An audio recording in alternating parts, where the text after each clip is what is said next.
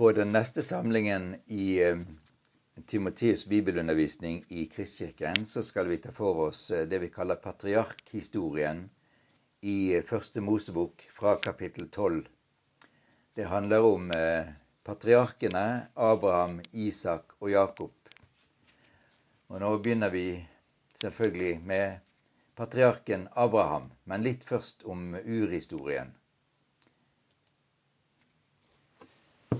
Abraham er mannen som er begynnelsen på Israels historie. Han er Israels stamfar, patriark. Israels folk er hans etterkommere, slår også apostelen Paulus fast i Rombrevet kapittel 9 og 11. I Første Mosebok kapittel 1-11 leser vi om urhistorien. Det gamle testamentet begynner med skapelse og fortsetter med syndefallet og urhistorien. Urhistorien handler om Guds handlinger med og plan for verden.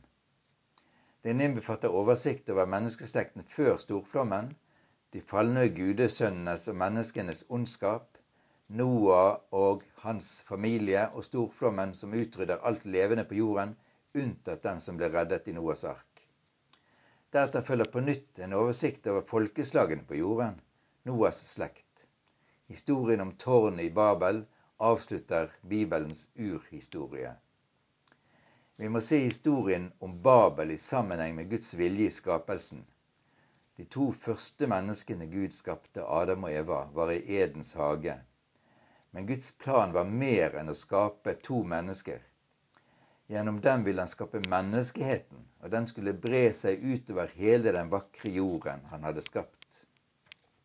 I kapittel 10 fortelles det om alle folkeslagene på jorden. I vers 31 og 32 heter det dette var Sems etterkommere, slekt for slekt og språk for språk, land etter land, folkeslag for folkeslag. Fra dem har folkeslagene bredt seg utover jorden etter storflommen. Men så begynner neste avsnitt, kapittel 11, med å fortelle at hele jorden hadde samme språk. Hvordan skal vi forstå det? Historien om Babel blir på en måte et innskudd i fortellingen.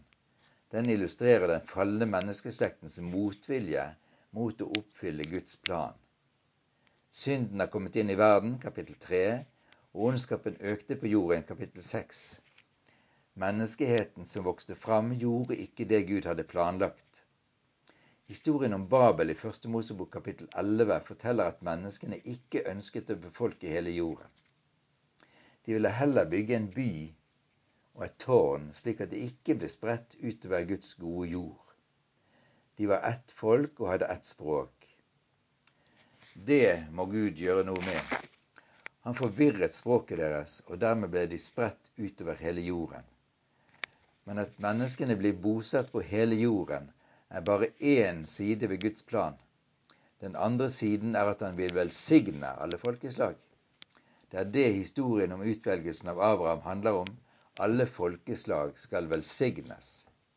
Gud begynner med én mann og hans ett. Så patriarkhistorien fra første Mosebok kapittel 12. Patriarken er betegnelsen på Israels fedre, dem hele Israels opprinnelse, fundament og slektshistorie bygger på. Patriarkenes navn er Abraham, Isak og Jakob, men også en fjerde i rekken, Abrahams oldebarn og Jakobs nest yngste sønn, Josef, får stor plass i første Moseboks fortelling. Patriarkhistorien handler om Guds utvelgelse av og plan med Israel. En ting vi kan merke oss, er at i patriarkhistorien blir Gud nesten alltid omtalt som Herren, Javé. Men han presenterer seg også som Gud, den veldige, der har vi altså Gud presenterer seg som Javé, som er det navnet som Israels folk kjenner han som. Men han er også Gud, den veldige, universets Gud. I kapittel 12-25 leser vi om Abraham og Sara. Abrahams navn var opprinnelig Abraham. Det var først da Herren sluttet pakt med ham, at han fikk navnet Abraham. Inn i historien om Abraham og Sara kommer Ismael. Abrahams første sønn med trellkvinnen Hagar. Ismael blir stamfar til ismaelittene. Med Sara, som opprinnelig het Sarai, for Abraham den sønnen som Gud hadde gitt løfte om, Isak. Så fra kapittel 21 leser vi om Isak og hans familie.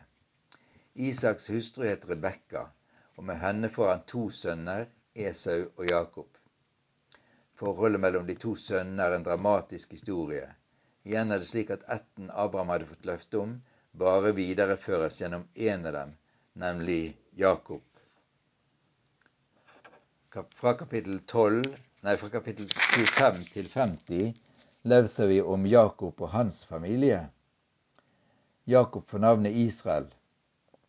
Hans sønner med hustruene Lea og Rakel og deres trellkvinner blir kalt Israels sønner, og hele folket får så navnet Israel. Fra kapittel 37 og ut, første Mosebok, leser vi om Josef og brødrene. Den siste delen av første Mosebok handler mest om Josefs liv, men mot slutten er Jakob samlet med sine sønner. Der velsigner han hver og en av de tolv sønnene. La oss gå tilbake nå til eh, første Mosebok kapittel 12 om Gud som kaller og velsigner Abraham. I kapittel 11 har vi lest historien om tårnet i Babel. Konsekvensen av at folket vil bygge et tårn som de ønsker skal nå like til himmelen, er at Herren sprer folkene utover hele jorden. Dette blir et vendepunkt i menneskehetens historie. Menneskeheten spres. Men Gud har en ny plan for å samle og velsigne menneskene på en helt annen måte. Det nye er ikke å samle dem fysisk, men om seg selv. De skal bli ett i troen på ham. Denne historien begynner med én mann. I ham skal alle jordens slekter velsignes. Slik står det i kapittel 11 fra vers 27. Dette er Taras slektshistorie. Tara fikk sønnene Abraham, Nahor og Haran. Sammen forlot de Uri Kaldea for å dra til Kanaans land. Men da de kom til Haran, slo de seg ned der. Og Herren sa til Abraham, og nå understreker vi fire punkter i det Gud sier til Abraham. Det første er dra bort fra landet ditt, fra slekten din og fra farshuset ditt. Det andre er til det landet som jeg skal vise deg. Og det tredje er jeg skal gjøre det til et stort folk. Og så det fjerde du skal bli til velsignelse. De, to, de første ordene Gud sier til Abraham, definerer hva som er Guds hensikt med utvelgelsen av ham. I deg skal alle jorden, alle slekter på jorden, velsignes. Og det føyes til, jeg vil velsigne dem som velsigner deg, men den som forbanner deg, skal jeg forbanne. I kapittel 15 står det om hvordan Gud slutter en pakt med Abraham. Vers 5. Se opp mot himmelen og tell stjernene, så tallrik skal ætten din bli. Og vers 18. Den dagen sluttet Herren en pakt med Abraham og sa, Din ett gir jeg dette landet. Pakten forteller at Abrahams ett for det første skal bli enormt tallrik, og dernest at den skal få et bestemt land i eie. Kapittel 17 handler om pakten og paktstegnet. Ordet pakt heter på hebraisk berit. Det er noe mye mer og annerledes enn en avtale. Den pakten Gud gir løfte om, har ham selv som subjekt. Han bestemmer suverent at det skal opprettes en pakt og like suverent bestemmer han paktens innhold. For det tredje binder han seg selv til å gjøre det til en evig og ubrytelig pakt. Og for det femte binder han den andre pakten til å holde pakten. Det gamle testamentet kalles gjerne også Den gamle pakt, og Det nye testamentet kalles Den nye pakt. Jf. Jesu innstiftelse av nattverden. Dette er den nye pakt det første i pakten er Guds selvrepresentasjon. Jeg er Gud, den veldige. Det andre er Guds forpliktelse av Abraham. Lev for mitt ansikt, vær hel i din ferd. Det tredje er Guds ensidige beslutning, Guds initiativ og løfte. Vanligvis er en pakt en avtale mellom to parter, men her er pakten Guds suverene bestemmelse. Jeg vil slutte en pakt mellom meg og deg. Paktens innhold er en gjentagelse av ordene da Herren kalte Abraham til å dra til løftets land, Kanaan. Jeg vil gjøre deg umåtelig stor. Og så fra vers 3 av så leser vi om at Abraham får navnet Abraham. Begge navnene Abraham og Abraham betyr far, altså Abba, er opphøyd. Men Abraham betyr sannsynligvis også far til en mengde folk Herren sier, for jeg vil gjøre deg til far for mange folkeslag. Jeg vil opprette min pakt mellom meg og deg og etterkommende dine, en evig pakt. Jeg vil være Gud for deg og etterkommende dine. Deretter følger landløftet. Landet som du bor i som innflytter, hele Kanaan, vil gi deg og etterkommende dine. Gud gir Abraham og hans folk et paktstegn omskjærelsen. Hvert guttebarn skal omskjæres når det er åtte dager gammelt. Omskjærelsen gjelder bare gutter, ikke jenter.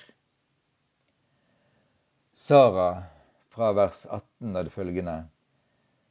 Om Sara sier Gud, din kone Sarai skal du ikke lenger kalles, skal du ikke lenger kalle Sarai. Sara skal hun hete, Navnet Sara betyr fyrstinne, og forklaringen følger. Jeg vil velsigne henne, og hun skal bli til folkeslag. Konger over mange folk skal komme fra henne. Da Abraham og Sara ble kalt av Gud til å dra til Kanaan, het det nøkternt om Sara at hun skulle ikke kunne få barn. Men nå blir det gitt løfte om at hun skal bli til folkeslag. Og slik ble det gjennom sønnen Isak så vil jeg si litt om eh, alt det som står om Abraham i hele Det gamle testamentet. Navnet Abraham er nevnt mer enn 100 ganger i første Mosebok. 600 år senere, når vi kommer til andre Mosebok med historien om Israel i Egypt og utferden under ledelse av Moses, er Abraham nevnt overraskende få ganger. I andre Mosebok seks ganger, i tredje Mosebok bare én gang, det samme i fjerde Mosebok og i femte Mosebok sju ganger. Alltid dreier det seg om påminnelse av pakten Gud sluttet med Abraham, og om løftet Gud ga landet og velsignelsen over folket. Selv om Gud i patriarkhistorien bærer navnet Herren, heter det i andre Mosebok 6.2 da han åpenbarer seg for Moses. Gud talte til Moses og sa, Jeg er Herren. Jeg viste meg for Abraham, for Isak og for Jakob som Gud, den veldige. Men under mitt navn Herren var jeg ikke kjent for dem. Hvordan skal du forstå det? Det kan forklares med at første Mosebok er nedskrevet etter at Gud har gitt seg til kjenne for Moses. Ifølge Bibelen, også Det nye testamentet, er Moses forfatteren av Mosebøkene. Det samme gjelder de to gangene Abrahams navn er nevnt i Josvas bok. Ordene viser til Guds pakt med å løfte til Abraham om velsignelse av hans ett og løfte om Kanaans land. Slik er det også de få gangene Abraham er nevnt i kongebøkene, krønikebøkene og Nehemjas bok. Samuelsbøkene nevner ikke Abraham en eneste gang. I alle disse skriftene er det navnet Israel som er hovedsaken. Jakob, Abrahams sønnesønn, fikk navnet Israel, og nå er det hele folket som bærer dette navnet. Men ikke tvil om at Israels selvforståelse bygger på Abrahams løfte og Abrahams pakten. Den innebærer omskjærelse som er paktstegnet, og Guds løfte om velsignelse, land og en mengde etterkommere. Israel, Abrahams ett, er Guds eiendomsfolk. I Salmenes bok nevnes Abraham tre ganger, hos Isaiah fire ganger, hos Esekiel én gang og hos Mika én gang. I Isaiah 29, 22 sier, sies det:" Derfor, så sier Herren til Jakobs hus, han som fridde Abraham ut. Nå skal ikke Jakob bli til skamme, nå skal ikke ansiktet hans blekne mer. Og i Jesaja 41, 41,8, der det står om at Herren er med Israel, sies det, men du, Israel, min tjener Jakob, som jeg utvalgt, ett av Abraham, min venn. Det betyr at Abraham ikke er glemt, men hans navn er ikke ofte nevnt. I bøkene etter Jeremia, Daniel og de andre profetene forekommer ikke Abrahams navn. Da er det Israel og Juda, etterkommende etter sønnesønnene og oldebarnet, som er i fokus. Men de bærer selvsagt med seg pakten Gud sluttet med Abraham og hans etterkommere, og løftet Gud ga en gang til Abraham. Jeg vil velsigne deg og gjøre deg til et stort folk, og dette landet vil jeg gi deg. Landløftet lever alltid i Israels folk. I Salme 105 vers 9 står det Pakten han sluttet med Abraham, og eden han sverget til Isak. Og i samme salme vers 42 For han husket sitt hellige ord til Abraham, sin tjener. Det ser ut som om navnet Abraham kommer i bakgrunnen jo lenger bort en kommer i tid. Men i jødedommen på Jesu tid er folket, slik evangelieskriftene fremstiller det, svært oppmerksomme på at de er Abrahams barn og etterkommere. Hva Det nye testamentet lærer om Abraham, vil de se på i neste podkast.